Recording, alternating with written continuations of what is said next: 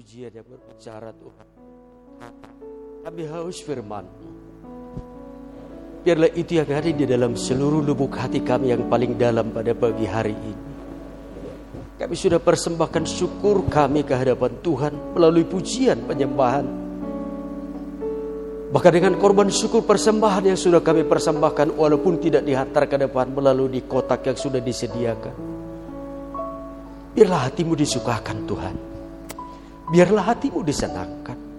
Karena kami datang hanya untuk Engkau Tuhan Yesus. Kami menyembahmu bukan karena kami diberkati. Dan kami menyembahmu bukan supaya kami diberkati. Tapi memang kau layak yang kami puja. Kami sembah. Dari selama-lamanya sampai selama-lama. Ini waktumu mau berbicara kepada kami Tuhan. Menegur, menguatkan, menasihati, bahkan menghiburkan kami. Kami buka hati kami lebar-lebar. Dan berbicara kepada kami. Urapan kami semua tanpa terkecuali siapa pun kami yang hadir dalam ibadah. Untuk kami boleh menangkap kebenaran firman-Mu. Dan ajar kami jadi pelaku kebenaran firman. Sehingga janji kebenaran firman-Mu tergenapi di dalam hidup kami. Sehingga di mana pun kami berada, kami mau tetap menyembah Engkau Tuhan Yesus. Hamba ini juga tidak ada apa-apanya. Tidak melebihi daripada umatmu yang hadir pada saat ini. Pakailah menjadi saranamu untuk kau menabur benih kebenaran firman. Sehingga ketika kami pulang tidak sama ketika datang ke tempat ini. Yang lemah dikuatkan. Yang bimbang, yang ragu, yang cemas diteguhkan iman pengharapannya kepada Tuhan. Bahkan yang putus asa mendapat pengharapan yang baru. Yang sakit disembuhkan. Makasih Tuhan. Berbicaralah bahwa kami telah siap menerimanya. Sebab di dalam nama Tuhan Yesus Kristus, firman yang hidup itu, kami sudah berdoa menaikkan syukur kepadamu. Haleluya. Amin. Silakan duduk Bapak Ibu Saudara-saudari. Shalom. Salam sejahtera buat kita semua. Tetap saudara suka tidak suka, senang tidak senang, kita harus tetap pakai masker dan juga saudara bahwa kita tidak boleh berkata khususnya para yang muda-muda, saya masih muda, saya masih sehat, saya masih kuat. Enggak saudara, akhir-akhir ini ya yang mengalami COVID atau virus ini saudara, banyak yang saat ini diserang para anak-anak muda. Anak 10 tahun, 11 tahun, 13 tahun, hari-hari ini mereka banyak yang mengalami. Karena itu suka tidak suka, senang tidak senang. Mari kita pakai masker, bukan hanya di dalam ibadah ini. Tapi di mana pun kita berada, terkecuali di rumah kita. Namun izinkan saya buka masker saya supaya suara saya lebih jelas. Bapak ibu saudara saudari dengarkan. Sembari kita buka Alkitab kita dari kitab Daniel pasal yang ketiga. Daniel pasal yang ketiga kita baca ayat yang ke-16 sampai ayat yang ke-18. Daniel pasal yang ketiga ayatnya yang ke-16 sampai 18. Baik kalau sudah semua menemukannya kita akan baca bersama-sama tidak terlalu cepat juga tidak terlalu lambat tapi paling tidak telinga kita mendengarkan suara kita karena firman Tuhan berkata yang berbahagia adalah mereka yang membaca, mendengar, lebih lagi melakukannya di dalam kehidupannya hari lepas hari. Satu dua tiga Lalu Sadrak, Mesak, dan Abednego menjawab Raja Nebukadnezar, tidak ada gunanya kami memberi jawab kepada Tuanku dalam hal ini. Jika Allah kami yang kami puja sanggup melepaskan kami, maka ia akan melepaskan kami dari perapian yang menyala-nyala itu dan dari dalam tanganmu ia raja. Tetapi seandainya tidak, hendaklah Tuanku mengetahui ia raja bahwa kami tidak akan memuja dewa Tuanku dan tidak akan menyembah patung emas yang Tuanku dirikan itu. Sekali lagi, tapi saya sendiri akan baca. Lalu Sadrak, Mesak, dan Abednego menjawab Raja Nebukadnezar, tidak ada gunanya kami memberi jawab kepada Tuanku dalam hal ini. Jika Allah kami yang kami puja, sanggup melepaskan kami, maka ia akan melepaskan kami dari perapian yang menyala-nyala itu dan dari dalam tanganmu ia raja. Tetapi seandainya tidak, hendaklah Tuanku mengetahui, ia Raja, bahwa kami tidak akan memuja dewa Tuanku dan tidak akan menyembah patung emas yang Tuanku dirikan itu. Terima kasih atas kerjasama dalam pembacaan firman Tuhan. Dari ayat yang kita baca ini, tema buat kita pada pagi hari ini, yaitu iman sadrak, mesak, dan Abednego. Tatkala kita di dalam keseharian kehidupan kita, di dalam keadaan yang serba cukup, ya, serba semua tersedia di dalam kehidupan kita, kita sangat mudah berkata, Tuhan Yesus baik. Atau kita sangat mudah berkata, terima kasih Tuhan, aku mengucap syukur kepadamu. Ya, dan juga bisa terlihat kita bisa mengikuti di dalam kerohanian dengan setia. Namun tidak sedikit orang yang percaya kepada Tuhan Yesus. Tatkala mereka juga dalam berkecukupan atau segala sesuatu tersedia. Atau bahkan mereka di dalam kehidupan mereka saudara. Diberkati di dalam kehidupannya. Tidak seorang jatuh dalam dosa. Dan juga tidak sedikit orang saudara meninggalkan Tuhan dan juga menjauh daripada Tuhan tatkala mereka dalam bergelimang harta di dalam kehidupan.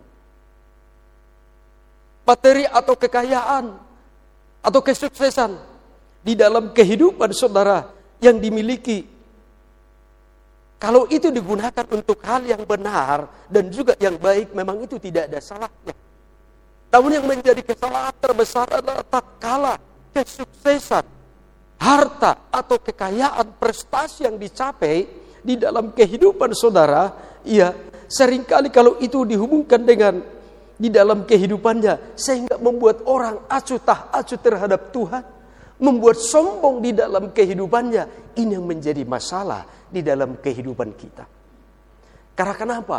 Seringkali saudara bahwa penilaian setiap orang di dalam kehidupan jabatan, harta, kekayaan, prestasi yang dicapai saudara, itu ukuran di dalam kehidupannya. Ya, itu yang menjadi dinilai di dalam kehidupan, itu yang terpenting.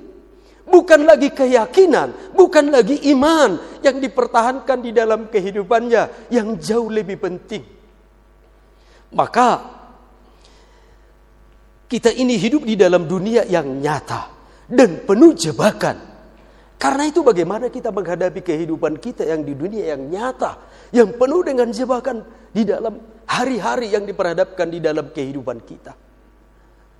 Tentu salah satu yang menjadi ukur, pengukur ataupun filter di dalam hidup kita, tidak ada yang lain adalah hanya iman saudara dan juga saya. Itu yang menjadi tolak ukur ataupun memfilter segala sesuatu apa yang ada di dunia ini atau yang diperhadapkan di dalam kehidupan kita. Karena itu kita mau belajar hari ini saudara. Iman seperti apa yang harus kita miliki untuk kita bisa saudara memfilter segala sesuatu yang terjadi di dalam dunia saat ini. Karena itu mari kita belajar dari iman daripada ya Sadrak, Mesak, dan Abednego. Kita melihat pertama, kalau kita melihat saudara di dalam pasal pasal 3 ini, bahkan pasal sebelumnya, bagaimana ketika orang Israel, ya, dan juga orang Yehuda sudah tertawan di bawah kerajaan Babel. Mereka menjadi buangan di sana saudara. Tetapi kita melihat ada di sana beberapa anak-anak muda yang mereka takut Tuhan, menghormati Tuhan di dalam kehidupan mereka termasuk adalah Sadrak, Mesak dan Abednego di dalam kehidupan mereka yang sangat menghormati Tuhan sehingga ada posisi dipercayakan kepada mereka. Yang pertama, iman seperti apa yang dimiliki oleh Sadrak, Mesak dan Abednego. Kita kembali melihat ayat 16 dan 17. Firman Tuhan berkata, lalu Sadrak, Mesak dan Abednego menjawab Raja Nebukadnezar, tidak ada gunanya kami beri jawab kepada Tuanku dalam hal ini jika Allah kami yang kami puja sanggup melepaskan kami, maka ia akan melepaskan kami dari perapian yang menyala-nyala itu dan dari dalam tanganmu ia raja. Di sini saudara, yang kita mau belajar, yang pertama, seperti apa iman Sadrak, Mesak, dan Abidnego. Yang pertama saudara yaitu iman yang berani melawan arus. Iman yang berani melawan arus. Kalau di ayat sebelumnya kita bisa membaca saudara bahwa semua sudah ultimatum daripada Raja Nebukadnezar. Semua kaum, umat dan bangsa yang ada di kerajaan Babel harus menyembah patung emas yang dibuat Raja Nebukadnezar dan juga menyembah patung daripada Raja Nebukadnezar. Barang siapa yang tidak menyembahnya akan dimasukkan ke dalam perapian yang menyala-nyala. Artinya hukuman sudah tersedia dan hukuman itu benar namanya perapian yang menyala-nyala akan mematikan dan menghanguskan. Tetapi apa yang dilakukan oleh Sadrak, Mesak dan Abidnego tatkala mendengar hukum yang sudah tersedia, Apakah mereka mengikuti apa yang diperkatakan atau titah yang disampaikan Raja Nebukadnezar ketika itu disampaikan? Mereka melawan arus itu saudara. Mereka tidak mau menyembah patung emas, bahkan patung Raja Nebukadnezar. Mereka melawan arus apa pun yang terjadi. Kami tidak akan melakukan. Tepat seperti ayat 16 dan 17 tadi. Memang itu tidak enak. Sama saudara, kalau ikan yang biasanya mengikuti aliran air, ikan yang seperti apa itu saudara? Air tentu yang dari tinggi mengalir ke bawah. Berarti kalau ikan yang mengikuti aliran air itu ikan yang seperti apa saudara?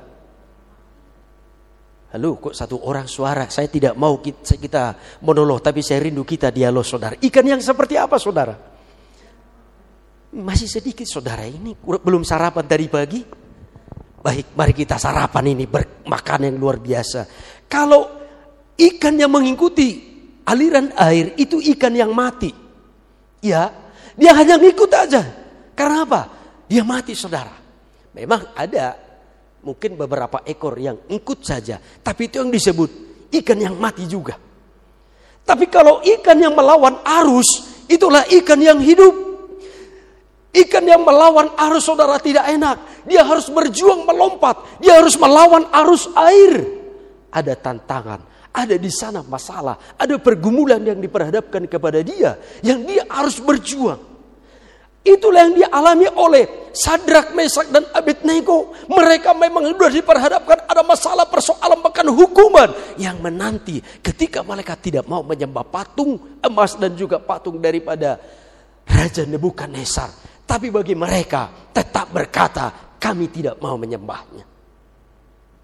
Ada tantangan tatkala kita menghadapi seperti ini. Prosesnya tidak enak. Pasti menyakitkan. Pasti juga di dalam hidup kita. Ini bagaimana?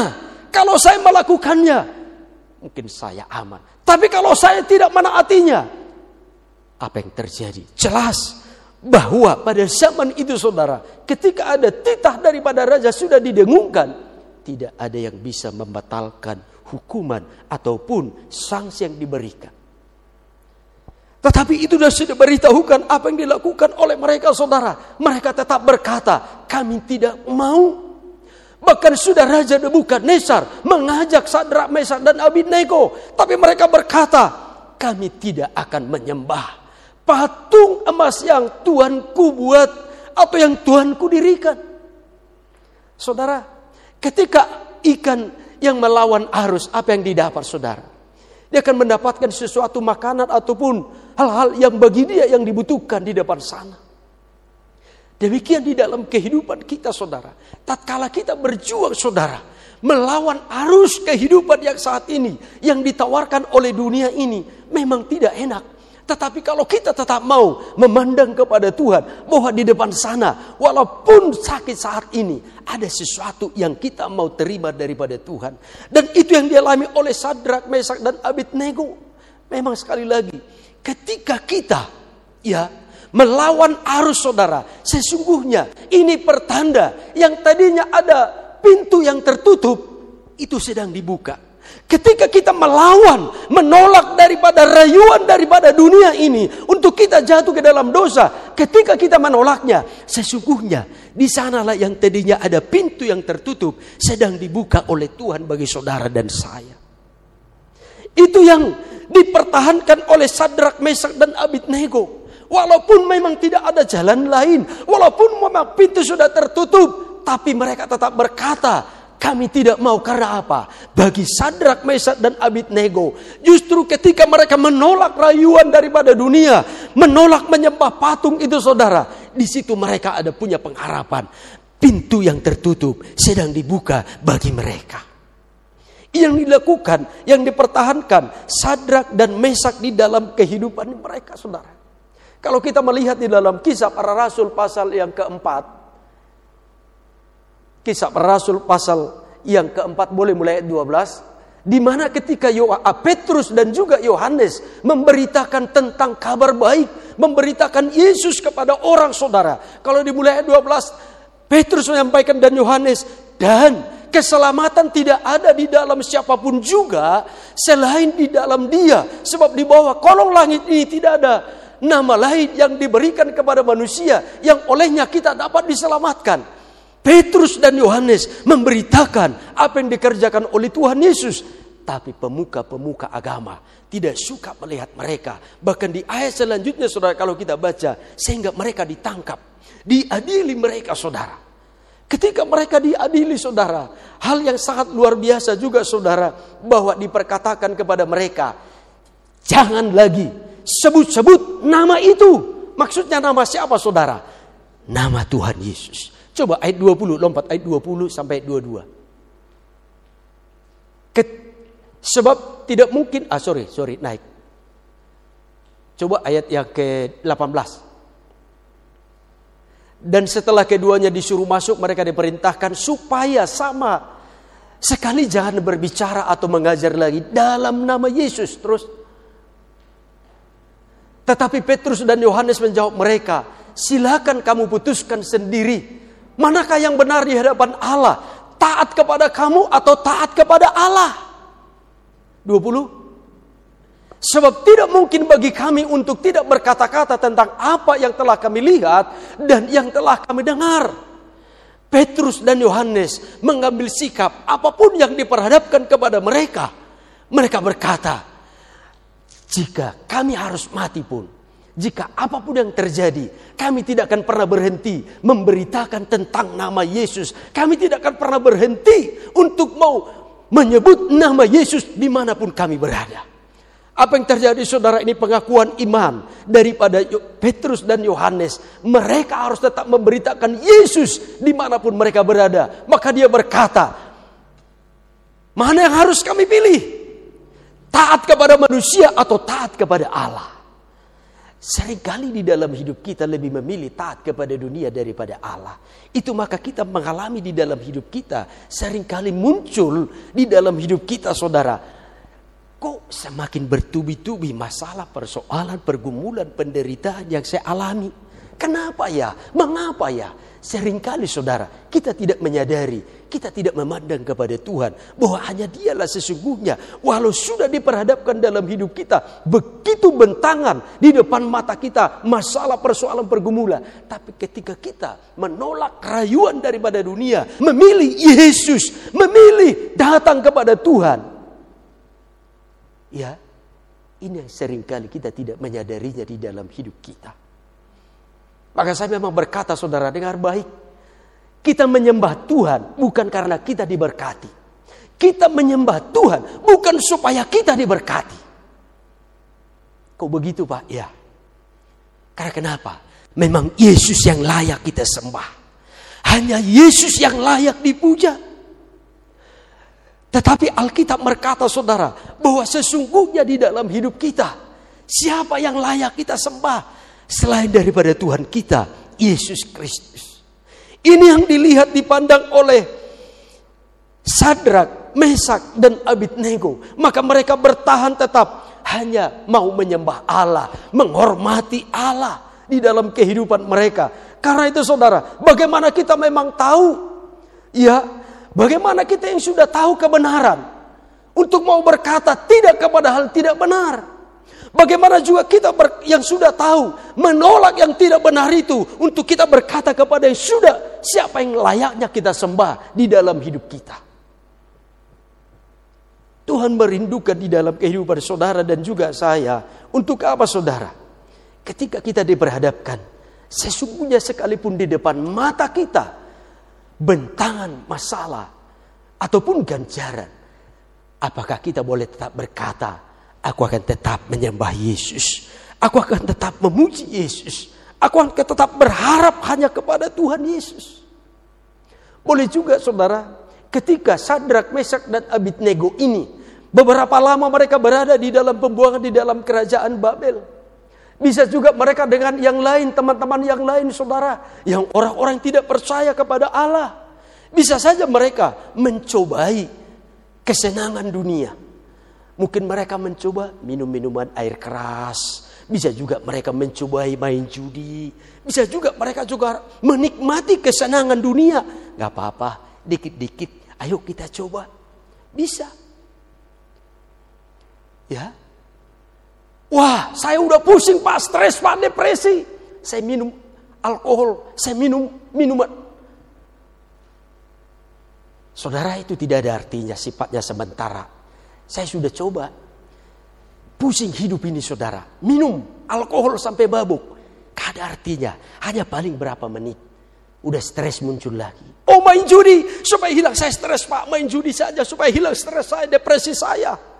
Itu juga hanya sementara. Kalau Anda menang, itu pun sementara. Anda menang, akan kalah juga. Masalah belum selesai. Oh, hisap ganja atau narkoba yang lain. Saya pusing pastor, saya tidak sanggup, tidak kuat. Itu juga sifatnya sementara. Dan itu semakin membuat kehidupan kita semakin terpuruk. Saya sudah lalui saudara itu. Gak ada artinya. Malah membuat kita semakin terjerembab.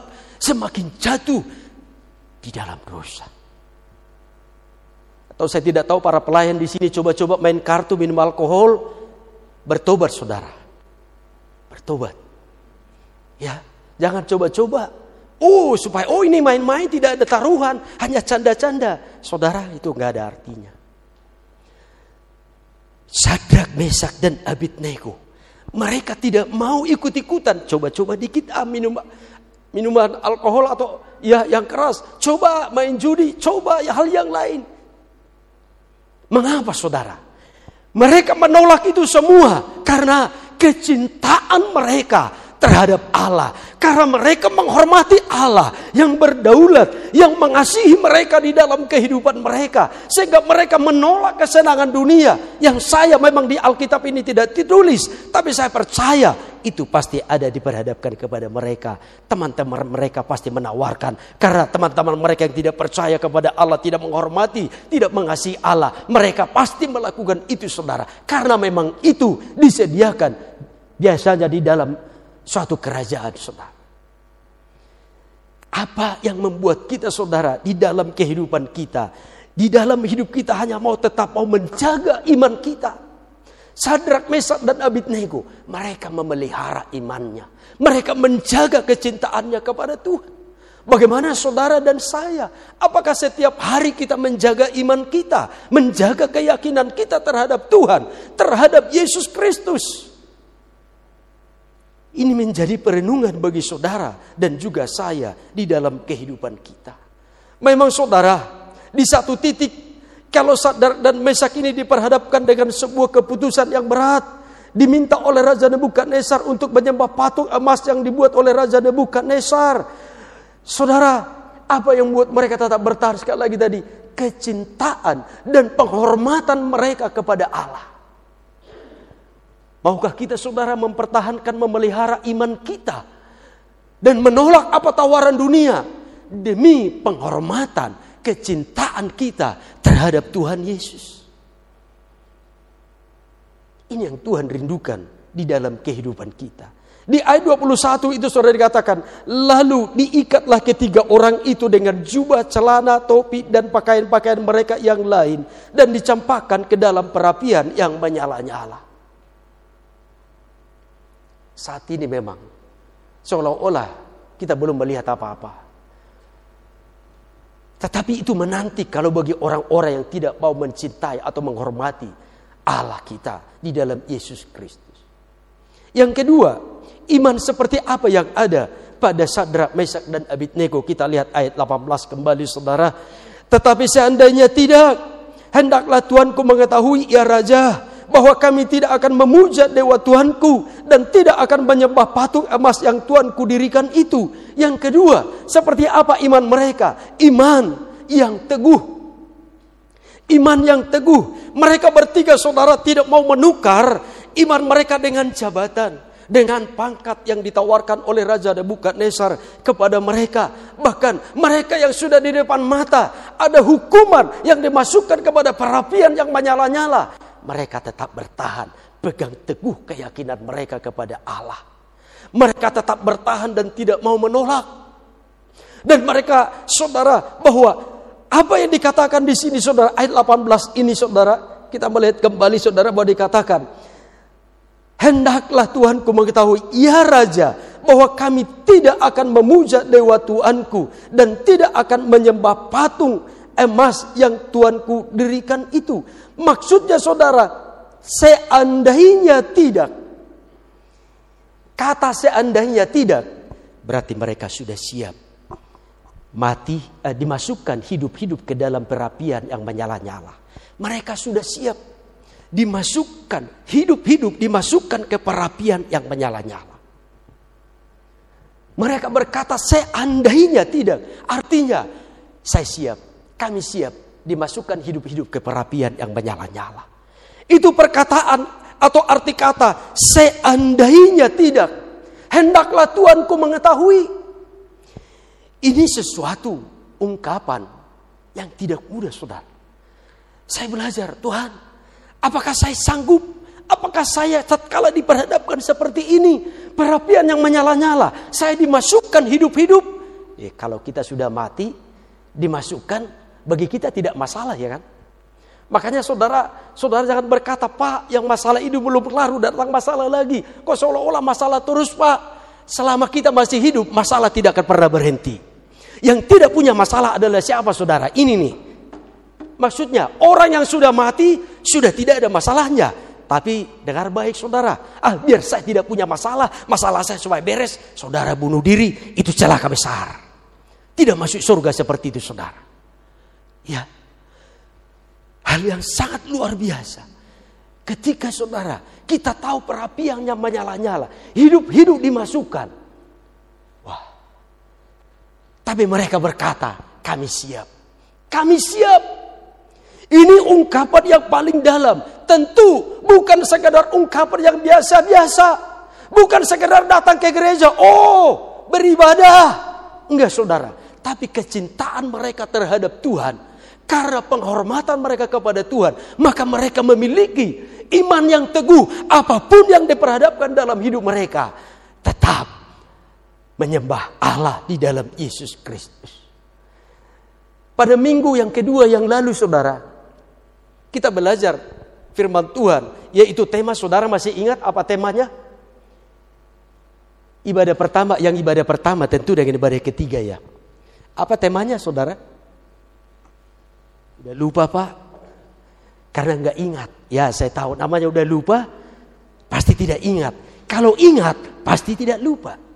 Mari belajar kita mengingat Makanya di bawah catatan saudara catat temanya apa, ayatnya dari mana. Sampai di rumah saudara kita baca lagi, oh ya itu menjadi rema di dalam hidup kita. Maka itu yang kita praktekkan. Ketika itu saudara ibadah eh, minggu kedua yang lalu. Ketika kita belajar dengan imannya yaitu berjalan dengan iman. Dengan iman yang apa? Yang berani. Ketika saya pulang dari sini saudara. Saya pulang saya berkata, Tuhan Yesus engkau baik. Saya hanya bernyanyi, Tuhan Yesus engkau baik, sangat baik. Tuhan, terima kasih Tuhan. Engkau sangat baik. Siapakah aku ini? Mengapa engkau jadikan aku jadi biji matamu? Saya ini sampah tadinya Tuhan. Tapi kok engkau jadikan jadi biji matamu? Saya di atas motor begitu saudara. Tiba-tiba saudara ada di dalam. Saya tidak tahu. Entah. Apa itu roh kudus yang berbicara kepada saya. Atau dalam hati saya. Ada kalimat berkata begini saudara.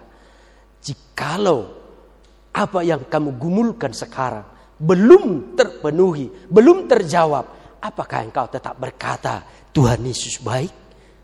Apakah engkau akan tetap menyembah aku? Apakah engkau akan tetap percaya kepadaku? Wah,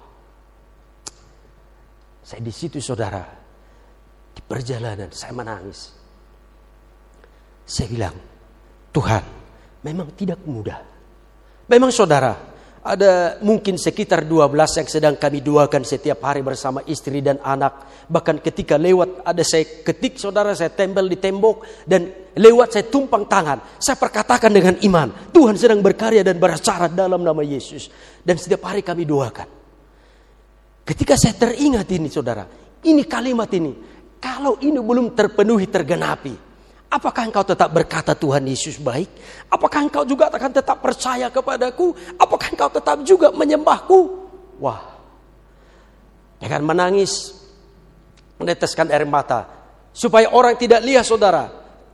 Kaca helm saya ada dua yang yang bening satu sama satu lagi yang ribbon saudara. Saya turunkan yang ribbonnya supaya orang tidak lihat saya ini saudara. Saya tutup dan saya berkata, apa pun yang terjadi dalam hidupku ini selalu ku berkata Tuhan Yesus baik dalam segala hal yang terjadi tetap ku berkata Tuhan Yesus baik saya diingatkan lagi dengan pujian Ku tetap percaya walau ku tak melihat jalan di depanku. Tak pernah ku ragu ku tetap menyembah apa pun yang terjadi di dalam hidupku. Tak pernah ku ragu ku tetap percaya. Ini yang berulang-ulang saya nyanyikan sampai saya ke rumah. Dan istri anak saya tidak tahu Saya sampai di rumah ya sudah Gimana? Oh ya, selalu udah baik dah. Tapi saya duduk kembali, Tuhan Yesus engkau baik. Aku tetap percaya apa pun yang terjadi dalam hidup saya dan aku akan tetap menyembahmu apa pun yang terjadi dalam hidup saya karena saya tahu Tuhan Yesus tetap baik. Walau hidup saya tidak baik, Yesus tetap baik. Itu saya perkatakan dalam kehidupan saya. Sama seperti dikatakan oleh uh, Yeremia dalam ratapan coba ya ratapan pasal 3 mulai ayat coba mulai ayat yang ke 20 atau 21, ratapan pasal 3, selalu baru kasih setia Tuhan tak pernah berkesudahan. Ah, betapa ratapan pasal 3. Ratapan pasal 3, ayat boleh mulai ayat yang ke 18. Ratapan pasal 3. Sangkaku hilang lenyaplah kemasyuranku dan harapanku kepada Tuhan Ingatlah akan kesengsaraku dan pengembaraanku. Aku akan ipu dan racun itu. Terus jiwaku selalu teringat akan hal itu dan tertekan dalam diriku. Terus tetapi hal-hal inilah yang kuperhatikan. Oleh sebab itu aku akan berharap tak berkesudahan kasih setia Tuhan, tak habis-habisnya rahmatnya. Selalu baru tiap pagi, besar kesetiaanmu Tuhan. Tuhan adalah bagianku, kata jiwaku. Oleh sebab itu aku berharap kepadanya. Ini yang saudara selalu harus kita ingat dalam hidup kita. Selalu baru rahmat dan kasih setia Tuhan di dalam hidup kita. Setiap hari, setiap kita bangun, kasih setia Tuhan selalu baru dalam hidup kita. Maka di situlah kita memang dimampukan berkata, apa pun terjadi dalam hidupku, aku akan tetap berkata, Tuhan Yesus baik. Tuhan Yesus baik. Sekalipun dalam keadaan kita buruk, sakit, mengalami masalah, Tuhan Yesus tetap baik. Kasihnya tidak pernah berubah, kuasanya tidak pernah berubah. Dulu, sekarang, bahkan sampai selama-lamanya. Walau kita menjauh dari Tuhan, Tuhan Yesus tetap baik. Walau kita jatuh dalam dosa, Tuhan Yesus tetap baik. Inilah yang diwartakan oleh Tuhan di dalam kepada saudara dan juga saya. Apa pun yang terjadi dalam hidup kita, belajar berkata, Tuhan Yesus tetap baik. Memang Tuhan Yesus tidak pernah berjanji saudara bahwa langit akan selamanya biru, jalan kita selalu rata, enggak. Tetapi yang Yesus katakan dan firman Tuhan katakan di dalam Alkitab ini, ia akan selalu menyertai di dalam kehidupan kita. Apa pun yang terjadi di di mana pun kita berada, Tuhan Yesus tetap menyertai saudara dan saya. Itu janji Tuhan di dalam kehidupan kita.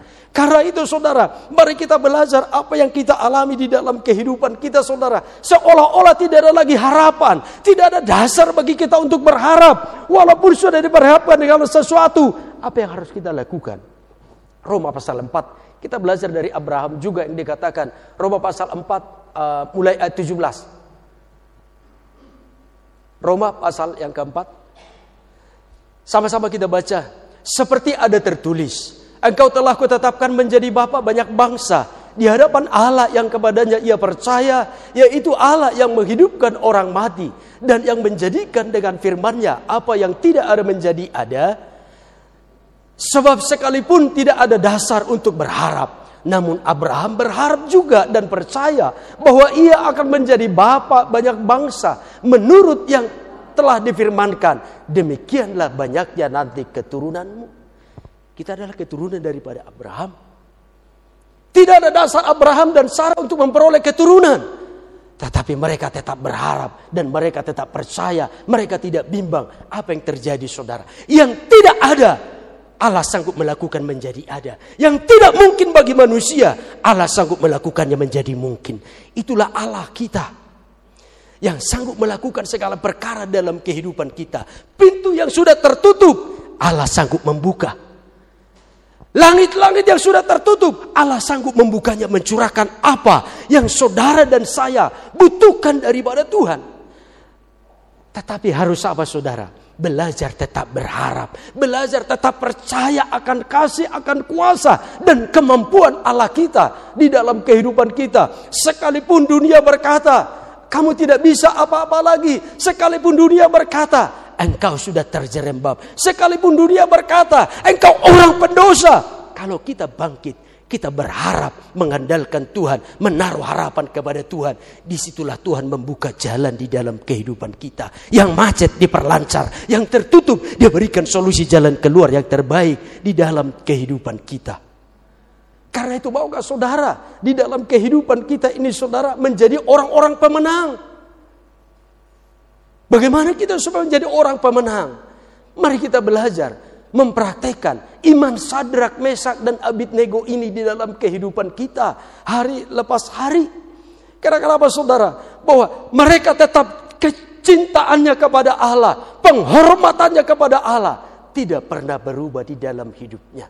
Ini yang perlu kita pelajari di dalam kehidupan kita. Sekalipun hal yang terburuk terjadi dalam hidup kita, belajar berkata, Tuhan Yesus tetap baik bagi saya. Tuhan Yesus tetap baik bagi saya.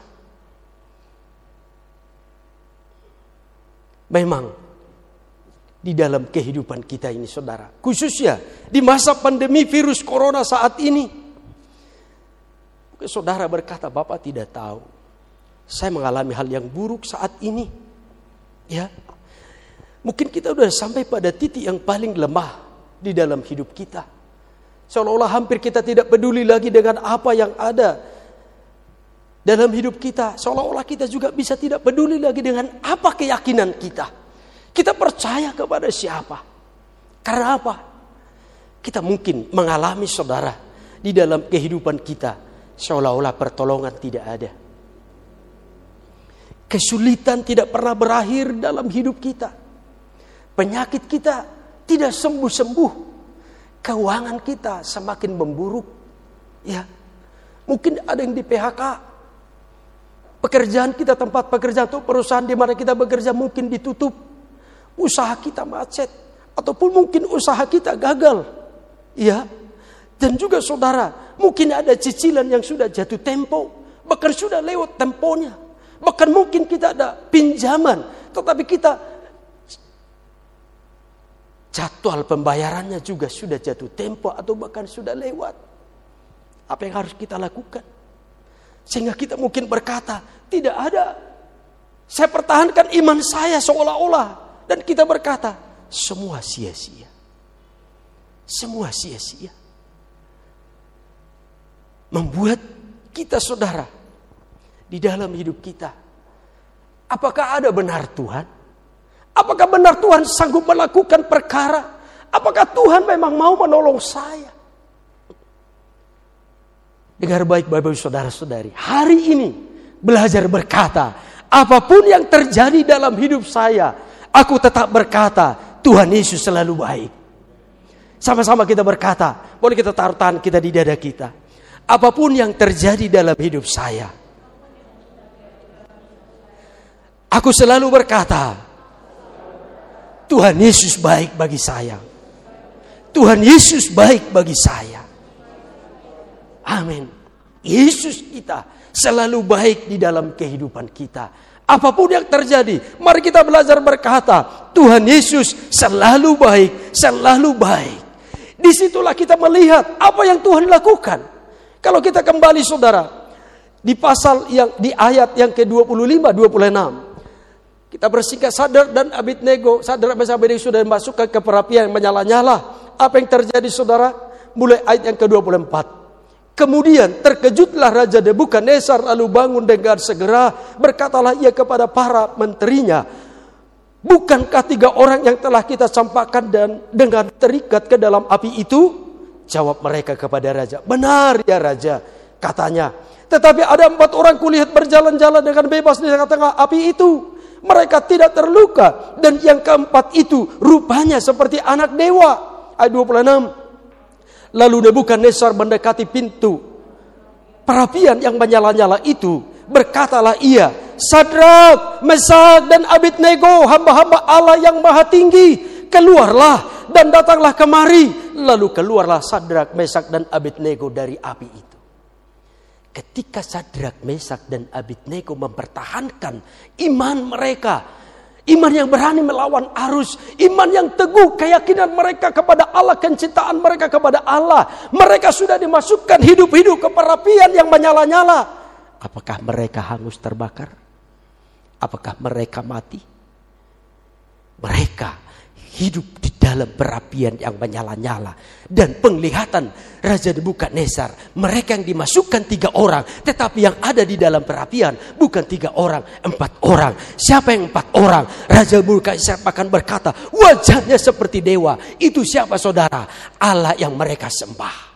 Hari-hari ini pun seolah-olah tidak ada lagi. Bahkan kita sudah masuk di dalam saat ini dalam perapian yang menyala-nyala oleh masalah persoalan pergumulan penderitaan sakit penyakit yang belum sembuh yang kita alami. Tapi ketika kita selalu berkata, Tuhan Yesus selalu baik dan kita memiliki iman yang berani melawan arus, memiliki iman yang teguh walaupun ada rayuan gembalan daripada dunia ini, tapi tetap kita percaya memegang Yesus, iman kita, keyakinan kepada Yesus. Di situlah Tuhan sesungguhnya selalu menyertai kehidupan saudara dan saya. Walaupun mata kepala kita tidak melihat, ada Yesus di sebelah kita. Dan justru Yesus yang ada berada di depan kita. Menghadapi segala masalah persoalan yang diperhadapkan di dalam kehidupan kita. Yesus selalu memberikan solusi yang terbaik bagi saudara dan saya dikala kita mau tetap bertahan menaruh pengharapan dan tidak pernah ragu akan kuasa kasih Tuhan di dalam kehidupan kita. Di situlah Yesus menyatakan dia sanggup melakukan perkara.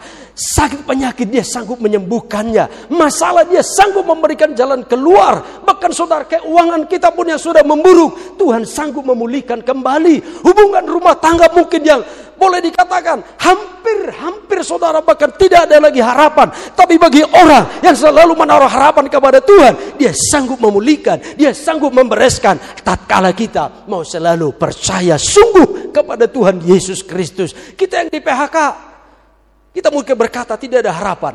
Bagi Tuhan, masalah persoalan pergumulan yang ada di dalam hidup kita sesungguhnya itu sarana bagi saudara untuk kita melihat kuasa Tuhan dinyatakan dalam hidup kita.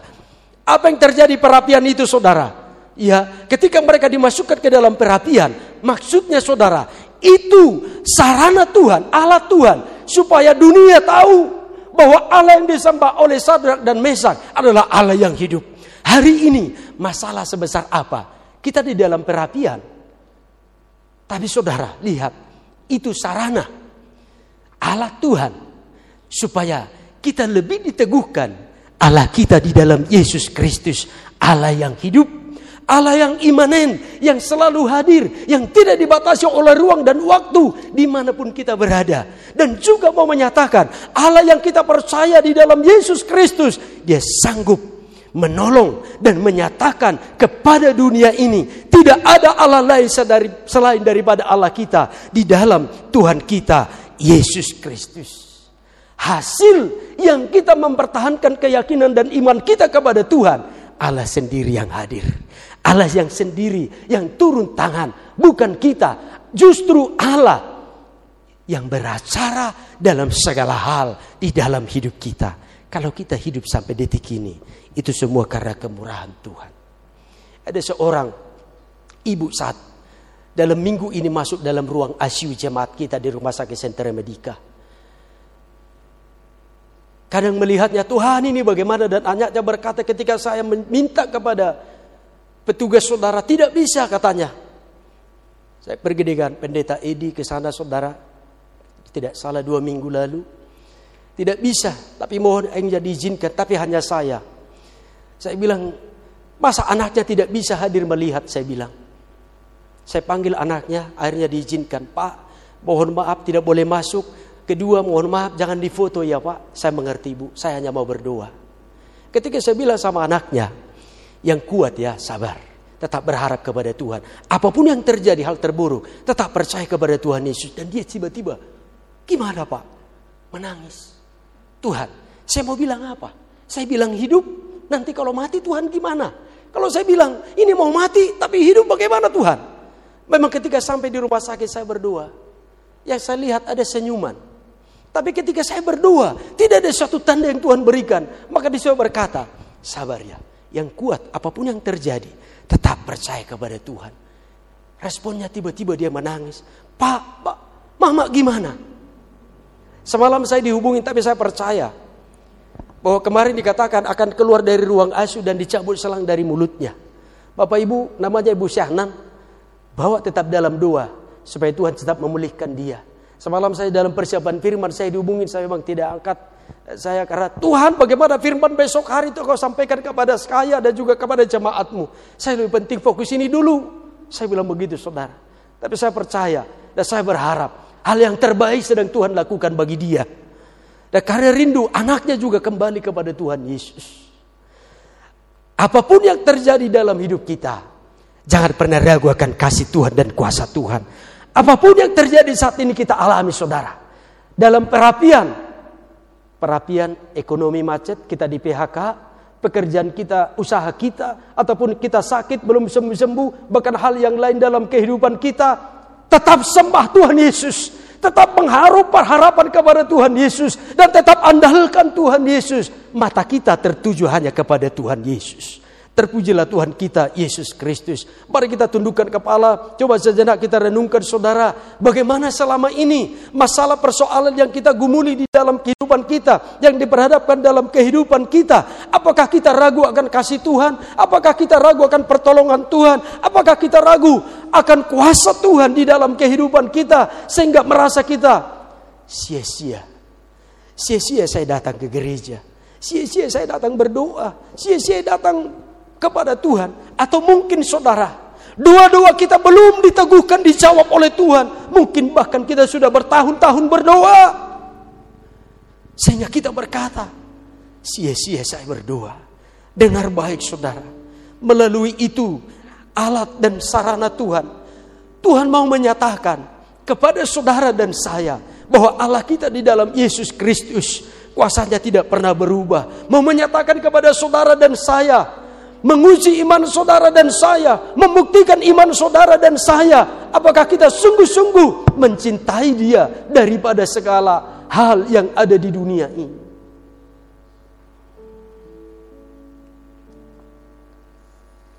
Tuhan Yesus tetap baik. Tuhan Yesus tetap baik. Apa pun yang terjadi, dalam hidupku ini selalu aku ragukan kasihmu Tuhan. Bukan. Sorry, ulangi. Apa pun yang terjadi dalam hidupku ini selalu ku berkata Tuhan Yesus baik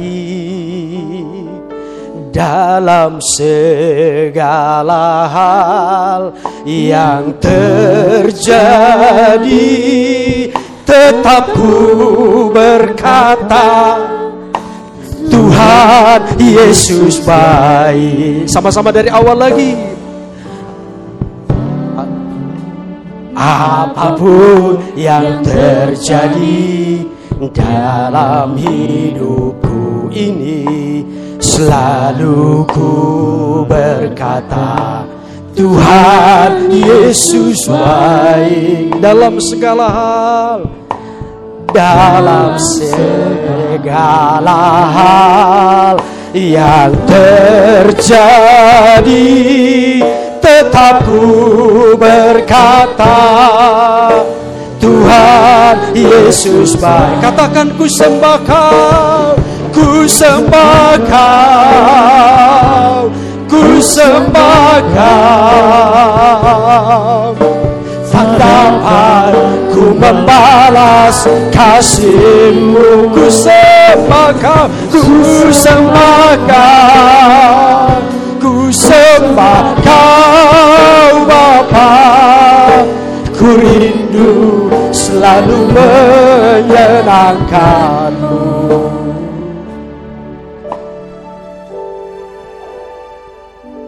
Perapian seperti apa saat ini dihadapkan pada kita? Sakit penyakit yang tidak kunjung sembuh, ekonomi kita, keuangan kita, kita di PHK, berhenti dari pekerjaan, atau masalah rumah tangga, hubungan suami istri, atau ada hal lain yang mungkin yang kita gumuli, mungkin keturunan yang kunjung belum Tuhan berikan kepada kita. Kita berharap supaya Tuhan berikan anak kepada kita, tapi belum kunjung Tuhan berikan. Atau ada hal yang lain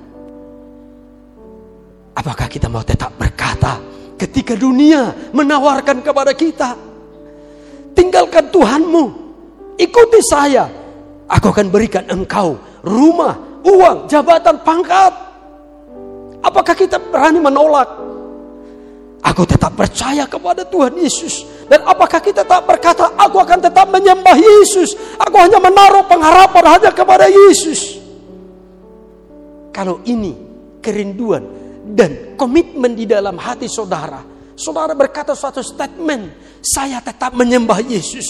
Walau apa pun yang terjadi dalam hidup saya, saya selalu berkata Tuhan Yesus baik. Dan apa pun yang terjadi dalam segala hal dalam hidup saya, aku akan tetap menyembah Yesus. Sebab kasihnya tak berkesudahan selalu baru setiap hari bagi saya. Kalau ini statement saudara boleh bangkit berdiri di tempatnya saja. Bukan karena saudara melihat depan belakang kiri saudara berdiri. Tapi engkau merasakan bahwa firman Tuhan ini bicara kepada saudara. Bangkit berdiri di tempatnya saja.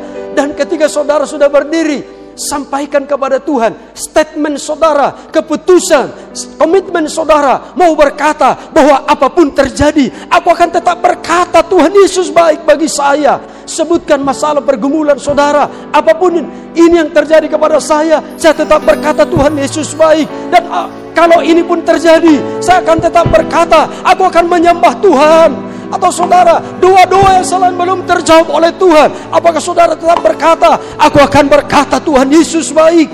Kalau ini saudara, beritahu kepada Tuhan. Tidak usah lihat depan belakang kiri kanan saudara. Sampaikan kepada Tuhan bahwa hasilnya Tuhan akan lakukan kerjakan bagi saudara dan saya. Oh Tuhan Yesus, ini kami Tuhan. Ini kami Tuhan. Apa pun yang terjadi dalam hidup kami, kami mau tetap berkata Tuhan Yesus baik. Tuhan Yesus baik. Tuhan Yesus baik. Apa pun tawaran dunia, kami mau tetap menyembahmu Tuhan Yesus. Kami tetap menaruh pengharapan. Kami tidak akan ragu. Kami tidak akan ragu akan kuasamu. Kami tetap percaya. Kami tetap menyembahmu Tuhan Yesus. Oh Tuhan Yesus. Tuhan engkau jauh lebih tahu apa yang dialami oleh umatmu. Tuhan engkau sendiri yang berbicara saat ini. Jama mereka Tuhan. Teguhkan iman pengharapan mereka. Kuatkan pengharapan mereka hanya kepadamu. Supaya kami tetap belajar. Percaya kepada Yesus. Bahkan semakin ditingkatkan kepercayaan kami. Keyakinan kami kepada Tuhan. Dan kami mau selalu menyembah hanya engkau Tuhan Yesus. Dan keruan kerinduan kami hanya mau untuk menyenangkan hati. Makasih Tuhan Yesus.